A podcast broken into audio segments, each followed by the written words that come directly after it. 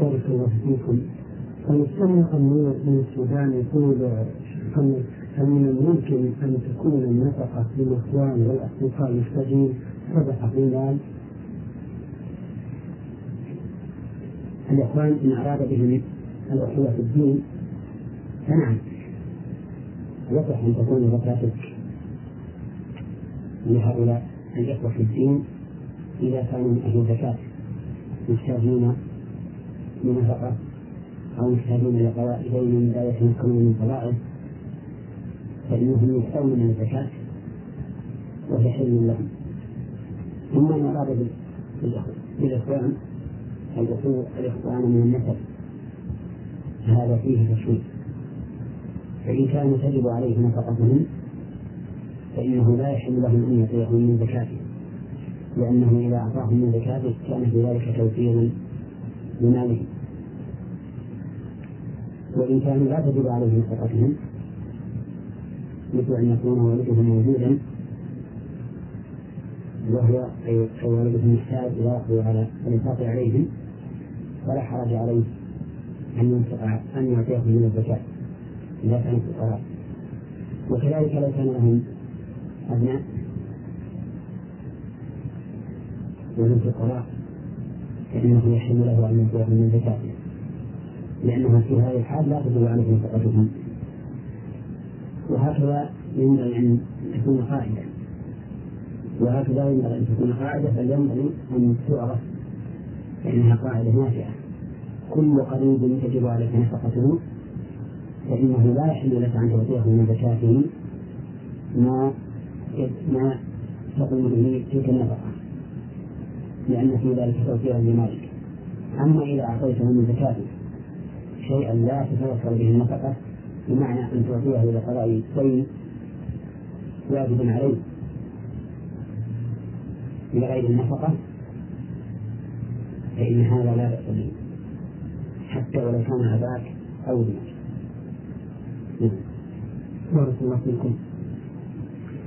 هذا المستمع للبرنامج رمز لكم بنون عين فاء أرسل برسالة يقول فيها أرجو شاكرا لمقدم تفسير قوله تعالى وما كنا له مقرنين في سورة الزخرف أعوذ بالله من الشيطان الرجيم والذي خلق الأزواج كلها وجعل لكم من الفلك والأنعام ما تركبون لتستووا على ظهوره ثم تذكروا نعمة ربكم إذا استويتم عليه.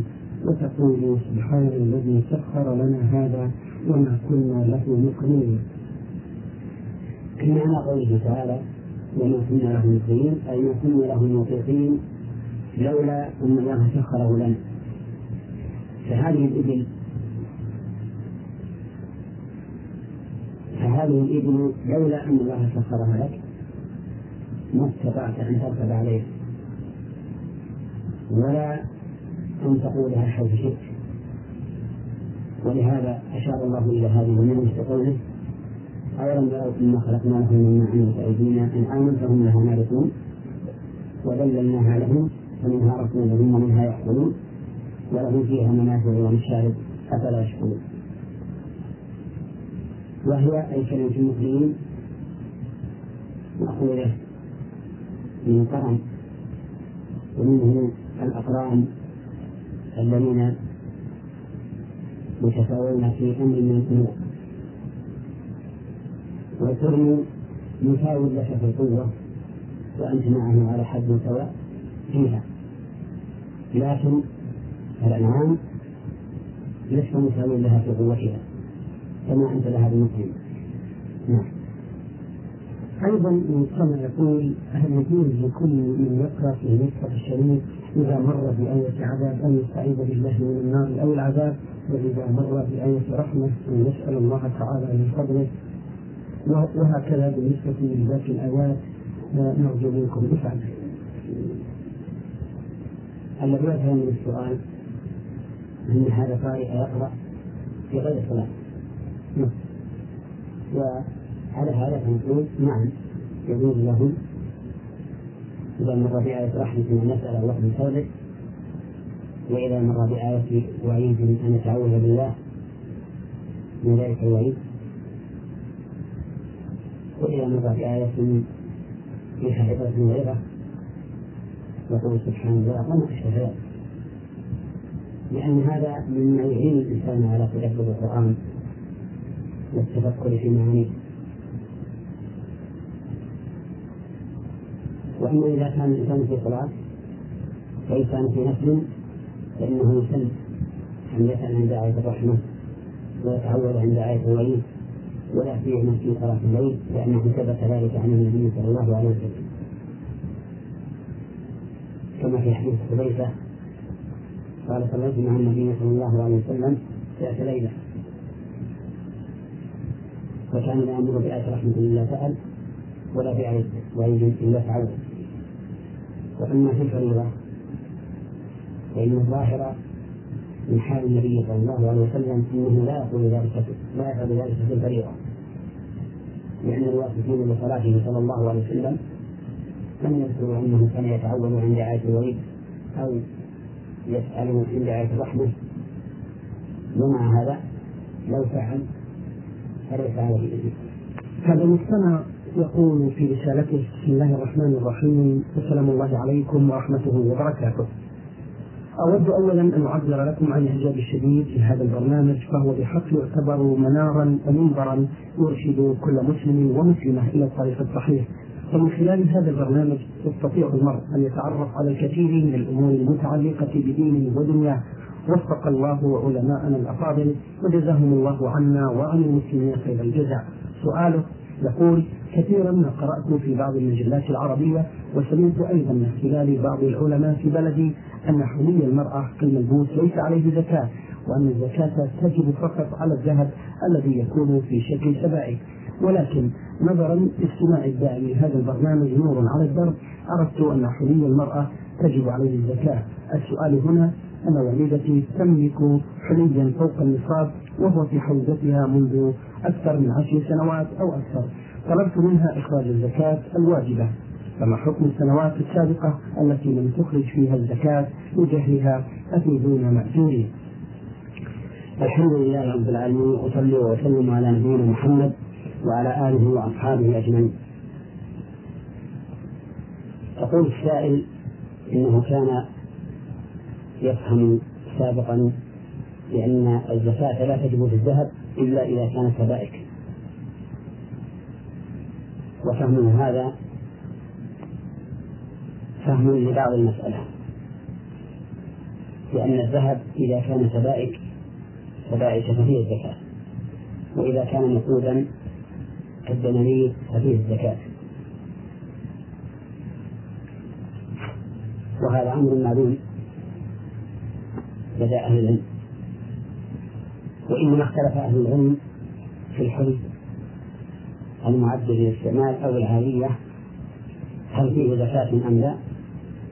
والصحيح أن الزكاة واجبة فيه وهو مذهب أبي حنيفة وإحدى روايتين عن أحمد بدلالة الكتاب والسنة على ذلك. ولا حاجة إلى سياق الأدلة لأن السامع قد فهمها وعلم أن الزكاة واجبة. ولكنه يسأل هل تجب عليه الزكاة عما مضى من السنوات التي كان لا يعتقد وجوب الزكاة فيها؟ والجواب على ذلك أن الزكاة لا تلزمه عن السنوات الماضية لأنه كان لا يعتقد الوجوب. لا لجهل منه ولكن باتباع لبعض أهل العلم. الذين أمرنا باتباعهم إذا لم يكن لدينا علم. كما قال الله تعالى فاسألوا أهل الذكر إن كنتم لا تعلمون. فما دام في الزمن الماضي؟ لا يخرج زكاة الحلي اتباعا لأهل العلم الذين يقولون بعدم وجود الزكاة فيه فإنه لا يجب عليه إخراج الزكاة. عما مضى ولكن يجب عليه إخراج الزكاة من حين أن علم أن الصواب وجوب إخراجها ويبتدئ الحول من حين الوجود من ويبتدئ الحول من حين العلم بالوجود وإن أخرج الزكاة فور علمه فهو أطيب نعم. بارك الله فيكم. المستمع جمال عبده أحمد مدرس يمني آه، في الشاملية يقول في رسالته ما هي رخص السفر نرجو منكم إفادة. رخص السفر أولا صلاة الرباعية ركعتين. فيصلي الظهر ركعتين والعصر ركعتين والعشاء ركعتين. ثانيا الفطر في رمضان. ويقضيه عدة من أيام أخرى ثالثا المسح على الخفين ثلاثة أيام بلياليها. ابتداء من أول مرة المسح رابعا سقوط المطالبة براتبة الظهر والعصر سقوط المطالبة براتبة الظهر والمغرب والعشاء. فأما راتبة الفجر وبقية النوافل فإنها باقية على مشروعيتها واستحبابها. فيصلي المسافر صلاة الليل وسنة الفجر وركعتي الضحى وسنة الوضوء وركعتي دخول المسجد وركعتي القدوم من السفر فإن من السنة إذا قدم الإنسان من سفر أن يبدأ قبل دخول بيته بدخول بيت الله المسجد فيصلي فيه ركعتين. وهكذا بقية التطوع في الصلاة فإنه لا يزال مشروعا بالنسبة للمسافر. ما عدا ما قلت أولا وهي راتبة الظهر. وراتبة المغرب وراتبة العشاء لأن النبي صلى الله عليه وسلم كان لا يصلي هذه الرواتب الثلاث. نعم. هذه رسالة وصلت من المستمع الذي رمز لاسمه بجيم من عين محافظة مصر يقول في رسالته تزوجت من فتاة منذ سبعة أعوام ولدينا الآن من الأولاد ثلاثة أطفال. أنا وزوجتي في سعادة زوجية منقطعة النظير ولكن هناك خلاف دائم منذ اللحظة الأولى بين زوجتي ووالدي ووالدي.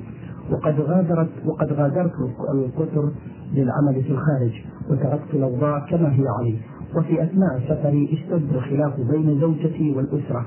فأقسم إخوتي باليمين على أن تغادر زوجتي البيت وبالفعل تركت البيت.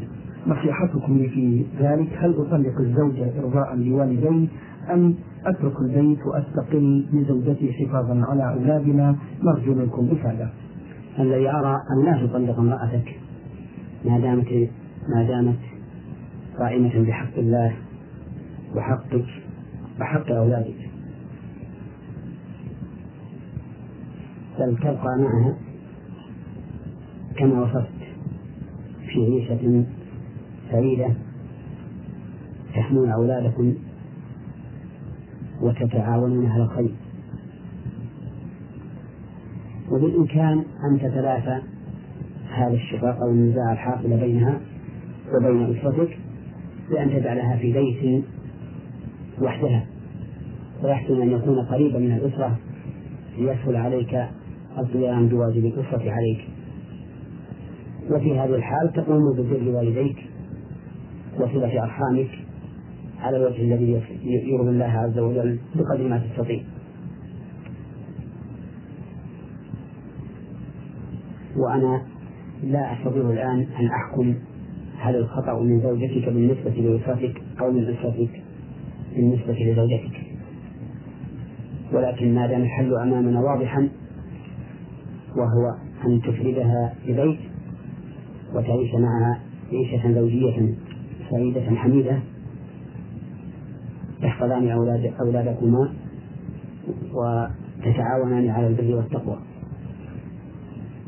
وتبقى مع أهلك قائما ببر والديك وصلة أرحامك.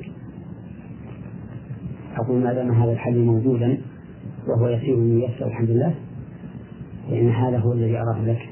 هذا المستمع مجموعة من المدرسين في اليمن الشمالي يبدأون رسالتهم بهذا يقولون في القرآن الكريم مراجعة بين الله سبحانه وتعالى وعيسى بن مريم عندما سأله جل شأنه أأنت قلت للناس اتخذوني وأمي إلهين من دون الله؟ إلى آخر المراجعة هل هذه المراجعة حدثت في الدنيا قبل رفعه؟ أم ستحدث يوم القيامة نرجو منكم إفادة؟ ظاهر سياق الآيات أن هذه المراجعة يوم القيامة كما ستسمع. وإذ قال الله يا عيسى ابن مريم أأنت قلت للناس اتخذوني وأمي إلهين من دون الله؟ قال سبحانك ما يكون لي أن أقول ما ليس لي بحق. إن كنت قلته فقد علمته. تعلم ما في نفسي ولا أعلم ما في نفسك إنك أنت علام الغيوب.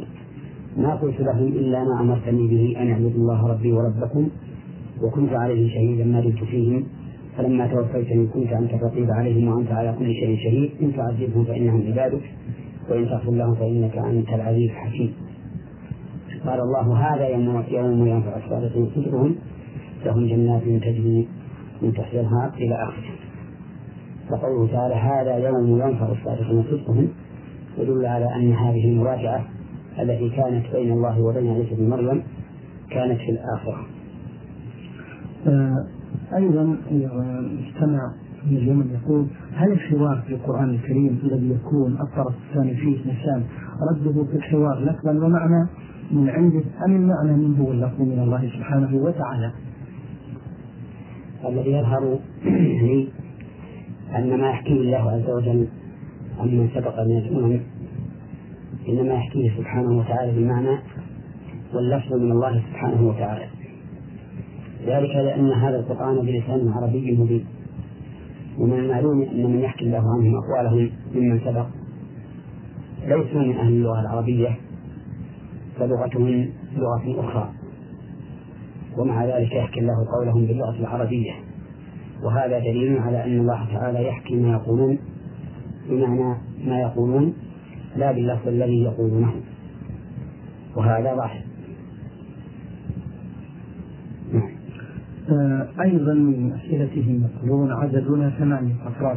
نقيم في مدرسة تبعد عن المسجد بحوالي نصف كيلو متر نؤدي آه، صلاتنا في المدرسة جماعة أو فرادى ولا نذهب لأدائها في مسجد القرية ونحن نعلم بأن الصلاة لا تجوز إلا في المسجد ما دام قريبا. وسمعنا في برنامجكم نور على الدرب بأنه لا يجوز الصلاة إلا في المسجد. طالما سمعنا الأذان فهل صلاتنا الماضية صحيحة؟ أم يجب علينا القضاء؟ نرجو منكم إفادة. صلاتكم الماضية التي تصلونها في المدرسة مع طول المسجد إليكم صلاة صحيحة. أولا لأنكم لا تعلمون أن الصلاة في المسجد واجبة. وثانيا لأنكم أديتم الجماعة. وقد قال كثير من أهل العلم إن الواجب الصلاة جماعة. سواء في المساجد أم في غير المساجد. وإن كان الراجح أنه يجب أن تكون في المسجد. ثالثا أن القول الراجح أن صلاة الفرد صحيحة. وإن كان يتمكن من الجماعة. ومعنى قولنا صحيحة أنها تبرأ بها الذمة ولا يلزمه قضاؤها ولكنه آثم بترك الجماعة. ودليل أن ودليل صحتها حديث ابن عمر وحديث أبي هريرة رضي الله عنه في تفضيل صلاة الجماعة على صلاة الفجر. فإن تفضيل صلاة الجماعة على صلاة الفجر يدل على أن صلاة الفجر فيها أجر. ولا يمكن أن يكون فيها أجر إلا إذا كانت صحيحة. ولكنها صحيحة مع الإثم على من قدر أن يصلي مع الجماعة في المسجد. آه أيضا آه الإخوة يسألون فضيلة الشيخ ويقولون ما حكم الشرع فيما يروى عن ما يروى عن أن عمر بن الخطاب رضي الله عنه رأى سارية وهو يخطب على المنبر في المعركة في آه، موقف الحرج مع الأعداء. فقال له يا سارية الجبل هل هذه القصة حقيقة حدثت أم من الخيال نرجو منكم إفادة؟ هذه القصة مشهورة عن أمير المؤمنين عمر رضي الله عنه. أنه كان يخطب الناس يوم الجمعة على منبر النبي صلى الله عليه وسلم وكان ثابت بن جنيد رضي الله عنه قائدا لإحدى السرايا في العراق. فحشر الرجل فأطلع الله تعالى أمير المؤمنين عمر على ما أصابه فخاطبه عمر من المنبر وقال له يا سارية الجبل. يعني تصعد الجبل أو يلبي الجبل أو ما أشبه ذلك من التقديرات. فسمعه سارية فاعتصم بالجبل فشرب. ومثل هذه الحادثة تعد من كرامات الأولياء. فإن للأولياء كرامات يجريها الله تعالى على أيديهم تثبيتا لهم ونصرة للحق. وهي موجودة فيما سلف من الأمم وفي هذه الأمة ولا تزال باقية إلى يوم القيامة. وهي أمر خارق أمر خارق للعادة. يظهره الله تعالى على على يد الولي تثبيتا له وتأييدا للحق. ولكن يجب علينا الحذر من أن يلتبس علينا ذلك بالأحوال الشيطانية. من السحر والشعوذة وما أشبهها. لأن هذه الكرامات لا تكون إلا على يد أولياء الله وأولياء الله عز وجل هم المؤمنون المتقون. قال الله عز وجل ألا إن أولياء الله لا خوف عليهم ولا هم يحزنون الذين آمنوا وكانوا يتقون. قال شيخ الإسلام رحمه الله أخذ من هذه الآية من كان مؤمنا تقيا كان لله وليا.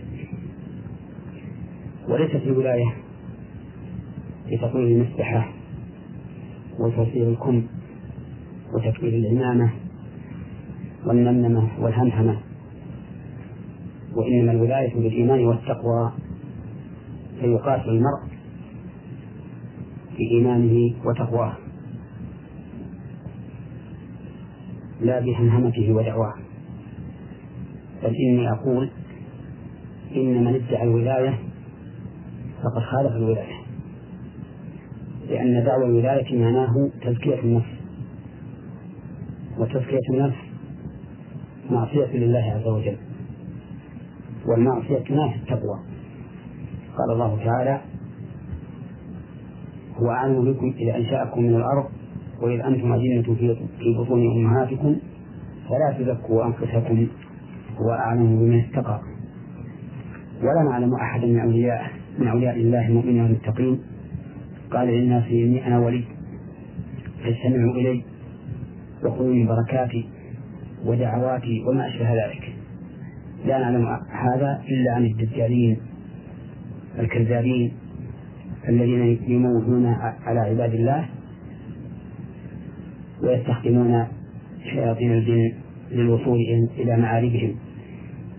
وإن نصيحتي لأمثال هؤلاء أن يتقوا الله عز وجل في أنفسهم وفي عباد الله ونصيحتي لعباد الله أن لا يأخذوا بهؤلاء وأمثالهم نعم. أثبتكم الله شيخ محمد. المستمع من أثيوبيا أخوكم في الله محمد زين الدين خليل يسأل عن قوله تعالى ولكل أمة رسول. وأيضا آه، يسأل عن قوله تعالى وما أرسلنا إليهم قبلك من نذير. وأيضا الآية وإن من أمة إلا خلا فيها نذير. آه هذه الآيات لا تتعارض. فإن الله تعالى بعث في كل أمة رسولا. كما قال تعالى ولقد بعثنا في كل أمة رسولا أن يعبدوا الله واجتنبوا الطاغوت فمنهم من هدى الله ومنهم من حقت عليه الضلالة. وقال الله عز وجل إنا أوحينا إليك كما أوحينا إلى نوح والنبيين من بعده إلى قوله رسلا مبشرين ومنزلين لئلا يكون للناس على الله حجة بعد الرسل. فلا بد لكل أمة من رسول ولكل أمة من نذير ينذرها عذاب الله عز وجل ويبشرها برحمته لمن أطاع. وأما قوله تعالى وما أرسلنا إليهم قبلك من نذير فالمراد أن الله تعالى لم يرسل إلى العرب نذيرا قبل محمد صلى الله عليه وسلم ولهذا ليس من العرب رسول إلا محمد صلى الله عليه وسلم.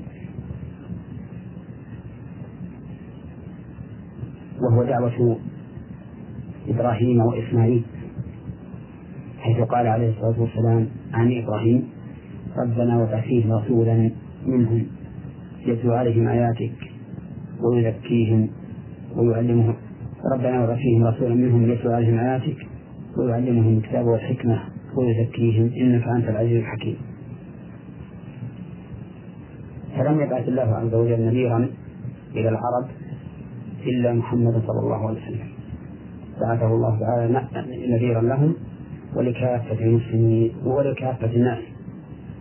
كما قال الله عز وجل قل يا أيها الناس إني رسول الله إليكم جميعا الذي له ملك السماوات والأرض. لا إله إلا هو يحيي ويميت فآمنوا بالله ورسوله النبي الأمين الذي يؤمن بالله وكلماته واتبعوه لعلكم تهتدون. هذا المجتمع آه، مجتمع جديد للبرنامج كما يقول خالد عبد الرحمن.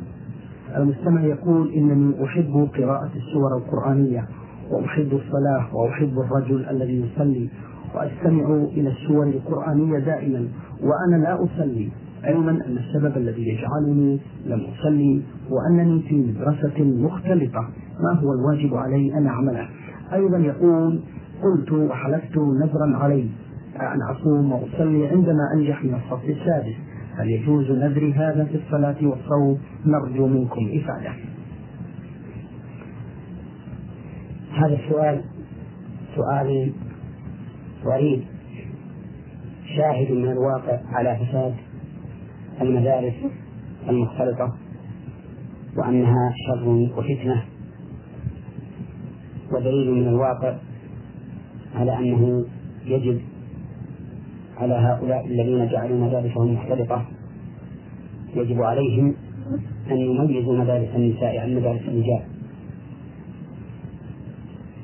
حتى يكونوا بل حتى يسلموا من هذه الفتنة العظيمة التي أوجبت مثل هذا الشاب أن يضل هذا الضلال في دينه. ولا يصلي وبهذه القصة الغريبة يتبين الخطر الكامل في المدارس التي يختلط فيها الرجال والنساء ويتبين حكمة الشرع في وجوب الفصل بين الرجال والنساء في الدراسة وكذلك في العمل. ولقد ثبت في صحيح البخاري أن امرأة جاءت إلى النبي صلى الله عليه وسلم تشكو إليه أن الرجال غلبوهن على النبي صلى الله عليه وسلم حيث يختلطون به كثيرا ويأخذون من علمه وطلبت منه أي من النبي صلى الله عليه وسلم أن يأتيهن ليعلمهن مما علمه الله. فوعدهم النبي صلى الله عليه وسلم موعدا في بيت إحداهن. وجاء إليهن فعلمهن. لم يقل النبي صلى الله عليه وسلم احضرنا مع الرجال لتعلموا ما يتعلمه الرجال. ولكنه صلى الله عليه وسلم وعدهن يوما في مكان متحد يعلمهن مما علمه الله. ولما كان النساء يحضرن الصلاة مع النبي صلى الله عليه وسلم وكان لا بد من حضورهن المسجد إذا أردنا الجماعة. قال الرسول صلى الله عليه وسلم خير صفوف النساء آخرها وشرها أولها. كل هذا حثا منه صلوات الله وسلامه عليه على أن تبتعد المرأة من الرجل. وبيان وبيان وفيه بيان أن قرب المرأة من الرجل شر لقوله وشرها آخرها. فالواجب على المسلمين أن يأخذوا بمثل هذا الهدي العظيم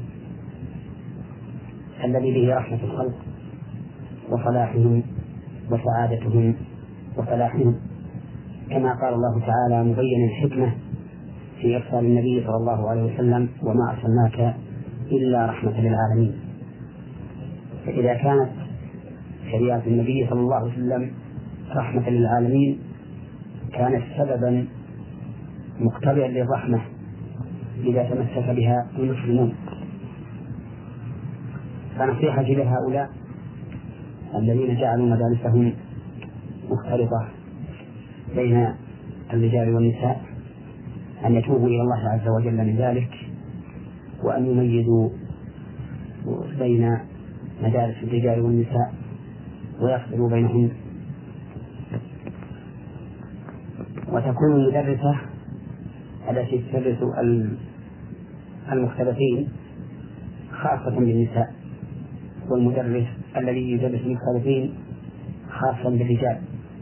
نسأل الله تعالى أن يمن على المسلمين بما تقتضيه شريعة نبيه محمد صلى الله عليه وسلم من الآداب والأخلاق والعبادات والمعاملات والعقائد السليمة. أما الجواب عن سؤاله فإن الأفضل أن يتعبد الإنسان لله عز وجل بدون نذر ولكن كأن هذا الرجل الذي كان يحب المصلين ويستمع للقرآن كأن هذا الرجل من شدة شفقته وحرصه على أن يتوب إلى الله ويقوم بما أوجب الله عليه من الصلاة حمله ذلك الحرص على أن ينذر ويحلف أنه إذا خرج من الثالثة فإنه يصلي. وإلا فإن الأفضل أن لا يحلف الإنسان أو ينظر على فعل الطاعة لقول الله تعالى وأقسموا بالله جهد أيمانهم لئن أمرتهم لا يخرجون قل لا تقسموا طاعة معروفة. إن الله خبير بما تعملون. فنهى الله عز وجل أن يقسم الإنسان على فعل الطاعة بل يطيع ربه طاعة معروفة بانقياد كامل بدون إقسام ولا نظر. هذا وأسأل الله لهذا السائل أن يثبته وأن يزيده من فضله وهدايته شكرا الله لكم يا فضيلة الشيخ وعظم الله مثوبتكم على ما قدمتم لنا وللإخوة المستمعين الكرام. رسالة وصلت من أحد الإخوة المستمعين المستمع عبده علي يقول ما تفسير قوله تعالى أعوذ بالله من الشيطان الرجيم واتل عليهم نبأ الذي آتيناه آياتنا فانسلخ منها فأتبعه الشيطان فكان من الغاوين الحمد لله رب العالمين وأصلي وأسلم على نبينا محمد وعلى آله وأصحابه أجمعين. تفسير هذه الآية الكريمة أن الله تعالى أمر نبيه محمد صلى الله عليه وسلم أن يتلو على الناس قصة هذا الرجل الذي آتاه الله آياته أي علمه أحكام شريعته وبينها له ولكنه والعياذ بالله انسلخ منها وتركها فتبعه الشيطان فأغواه. قال الله عز وجل ولو شئنا لرفعناه بها. أي لو شئنا لرفعناه بآياتنا فجعلناه يعمل بها ويقوم بواجبها فإذا فعل ذلك رفعه الله تعالى بها. ولكنه أي هذا الذي آتاه الله الآيات ليس أهلا بأن يرفعه الله بها لأنه أخذ إلى الأرض ومال إليها وصار أكثر همه أن ينال حظوظة من الدنيا. سواء كان يريد جاه أو المال أو المرتبة أو غير ذلك. واتبع هواه فيما أخذ إليه فمثله كمثل الكلب يلهث دائما سواء حملت عليه أم لم تحمل.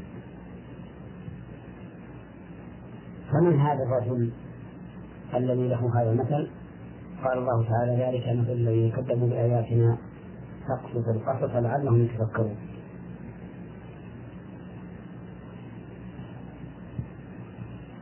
فهذا هو الكافر الذي آتاه الله تعالى العلم وبين له الشرع على أيدي رسله الكرام عليهم الصلاة والسلام ولكنه أبى إلا أن يتبع هواه ويخرج إلى الأرض فصار هذا مآله نسأل الله العافية.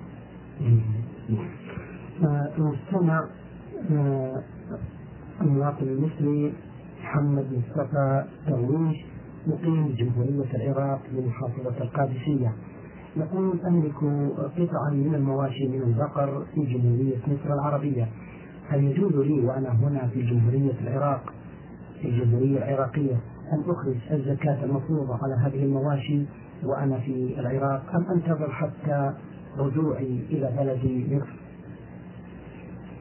بل يجب عليك أن تخرج زكاتها كلما تم الحول وتوكل من يخرجها هناك في مصر. والتوكيل في إخراج الزكاة جائز. لأن النبي صلى الله عليه وسلم كان يبعث السعاة والعمال على الزكاة ويأخذونها من أهلها ويأتون بها إلى رسول الله صلى الله عليه وسلم. وثبت عنه صلى الله عليه وسلم أنه وكل. توكل أحد ممن تثق به في بلدك في مصر على أن يخرج زكاة هذه المواشي. ولا يحل لك أن تؤخرها حتى ترجع لأن في ذلك تأخير للزكاة متضمنا لحرمان أهلها منها في وقتها. ولا تدري فلعلك لا تصل إلى مصر بعد لعلك تموت قبل أن تذهب إلى مصر. وحينئذ تتعلق الزكاة بذمتك ولا تدري فلعل الورثة بعدك لا يؤدون ما أوجب الله عليك من هذه الزكاة. فبادر يا أخي بادر بارك الله فيك في إخراج الزكاة ولا تتأخر. نعم. بارك الله فيكم شيخ. أيضا المستمع يقول هل يجوز إخراج الزكاة زكاة المال أو خلاف ذلك في أي شهر من شهور السنة أم يتحتم إخراج الزكاة في شهر رمضان المبارك؟ لا يتحتم إخراج الزكاة في رمضان بل يخرج الإنسان زكاته إذا تم حوله أي حول ماله أخذ الزكاة. ولا يجوز أن يؤخرها. اللهم إلا شيئا يسيرا يؤخرها لينظر من هو أحوج أو لزمان فاضل غير بعيد. وأما أن يؤخرها إلى زمان بعيد فإن ذلك لا يجوز لأن الزكاة يجب إخراجها على الفور لأنها من الواجبات والأصل في كل الواجبات أن يقوم الإنسان بها فورا إلا ما قام الدليل على جواز التراخي فيها. نعم. هذه مستمعة فضيلة الشيخ من العراق محافظة أربل تقول أحييكم بتحية الإسلام. سلام الله عليكم ورحمته وبركاته وإليكم سؤالي. وعليكم السلام ورحمة الله وبركاته. نعم. زوج ابنتي يشتغل في أعمال متنوعة وإني أعرف ومتأكدة أنه يحصل على الفلوس عن طريق الحرام وإني لا أذهب إلى بيتهم وأنا لا أذهب إلى بيتهم إلا في المناسبات عندما يكونون مرضى آه، أو غير ذلك وأتناول معهم بعض الأطعمة خوفا من ابنتي من الزعل هل آه، في ذلك إثم علي فضيلة الشيخ؟ لا إثم عليك في هذه الحال لأن زوج ابنتك له مورد حلال ومورد حرام. وإذا كان للإنسان مورد حلال ومورد حرام فلا حرج على غيره أن يأكل من من طعامه أو يشرب من شرابه. وقد ثبت عن النبي صلى الله عليه وسلم أنه أكل من الشاة التي أتتها له اليهودية وثبت عنه صلى الله عليه وسلم أنه مات وجده مرهونة عند يهودي في شعير اشتراه لأهله وهذا يدل على أن من كان ماله فيه حلال وفيه حرام فإنه لا يحرم على الإنسان أن يتناول شيئا منه نعم. آه هذا مستمع إلى البرنامج أرسل بسؤالين السؤال الأول يقول إن جيراني لا يصلون وهمهم الكبير التحدث عن فلان وفلان غيبا ودائما في شجار فيما بينهم ويشتمون بعضهم البعض بأسوأ الألفاظ.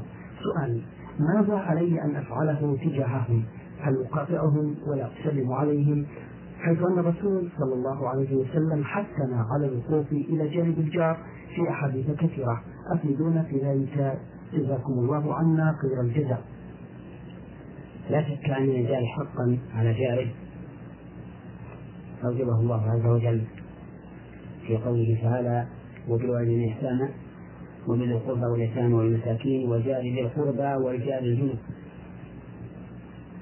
وثبت عن النبي صلى الله عليه وسلم أنه قال من كان يؤمن بالله واليوم الآخر فليكرم جاره. وثبت عنه أنه صلى الله عليه وسلم قال والله لا يؤمن والله لا يؤمن والله والله لا يؤمن. قالوا من يا رسول الله؟ قال من لا يعمل جاره بوائقه.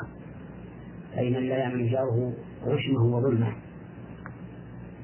فالجار له حق. فإن كان جارا مسلما قريبا فله ثلاثة حقوق. حق القرابة وحق الإسلام وحق الجوار. وإن كان قريبا وإن كان جارا مسلما فقط فله حقان. حق الإسلام وحق الجوار.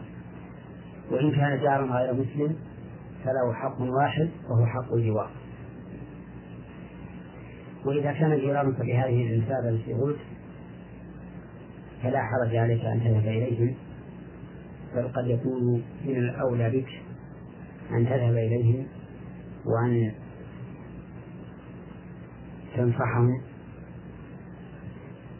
وأن تعينهم على ترك هذه الأمور والمشاكل حتى يستقيموا على ما ينبغي أن يكونوا عليه من الصفاء والمودة. نعم. بارك الله فيكم. رسالة وقع غير المستمع بمسلم. قلت أكثر من مرة دون جدوى علما بأني لا أستطيع العمل في مكان آخر إلا بعد موافقة الشركة على الاستقالة. ويعلم الله كم أنا أحاول بكل إخلاص أن أخرج من هذا المكان الذي يعصي الله ولكنهم يرفضون ويعلم الله كم أنا كاره في هذا العمل. ولذا أريد أن أعرف هل عملي فيها الآن يعتبر آه، مضطر؟ وهل أنا على وزر؟ وهل أنا على وزر علما بأنني أحاول الخروج منها بشتى الطرق؟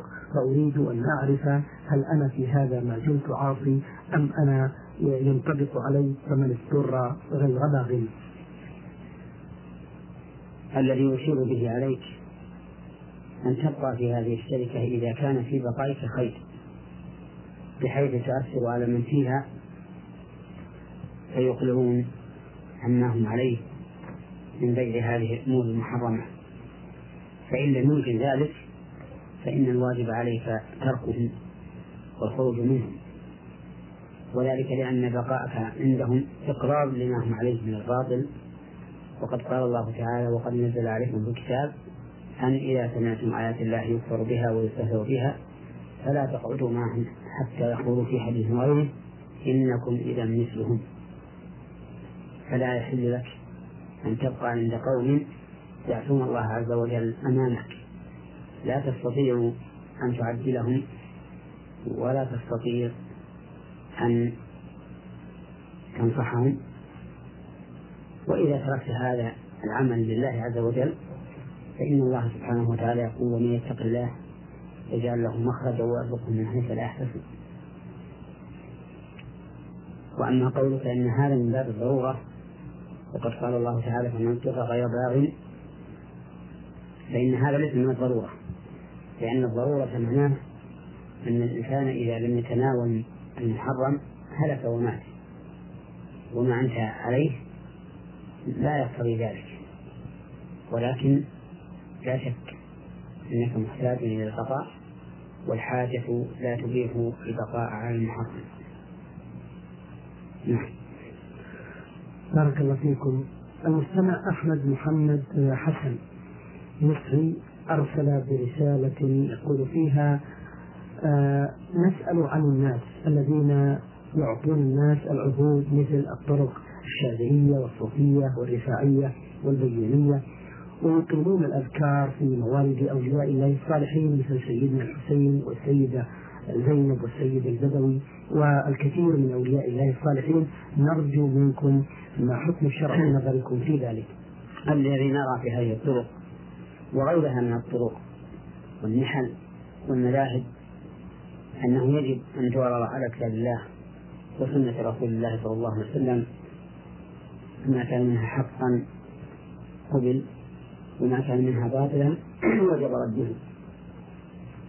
وطرحه وعدم الاعتماد عليه والتمسك به. وهذه الطرق التي عددها السائل تنبني على هذه تنبني على ما أشرنا عليه ما أشرنا إليه من وجوب عرضها على كتاب الله وسنة رسول الله صلى الله عليه وسلم. وإذا اشتملت هذه الطرق على دعاء الأولياء وتقديم محبتهم على محبة الله ورسوله والتعلق بهم ودعاءهم كان ذلك داخلا في الشرك. وقد يكون شركا أكبر مخرجا عن الملة فلا ينتفعون بهذه الطرق. وإن النصيحة لهم ولغيرهم أن يرجعوا في أمرهم وشؤون دينهم إلى ما كان عليه النبي صلى الله عليه وسلم وأصحابه.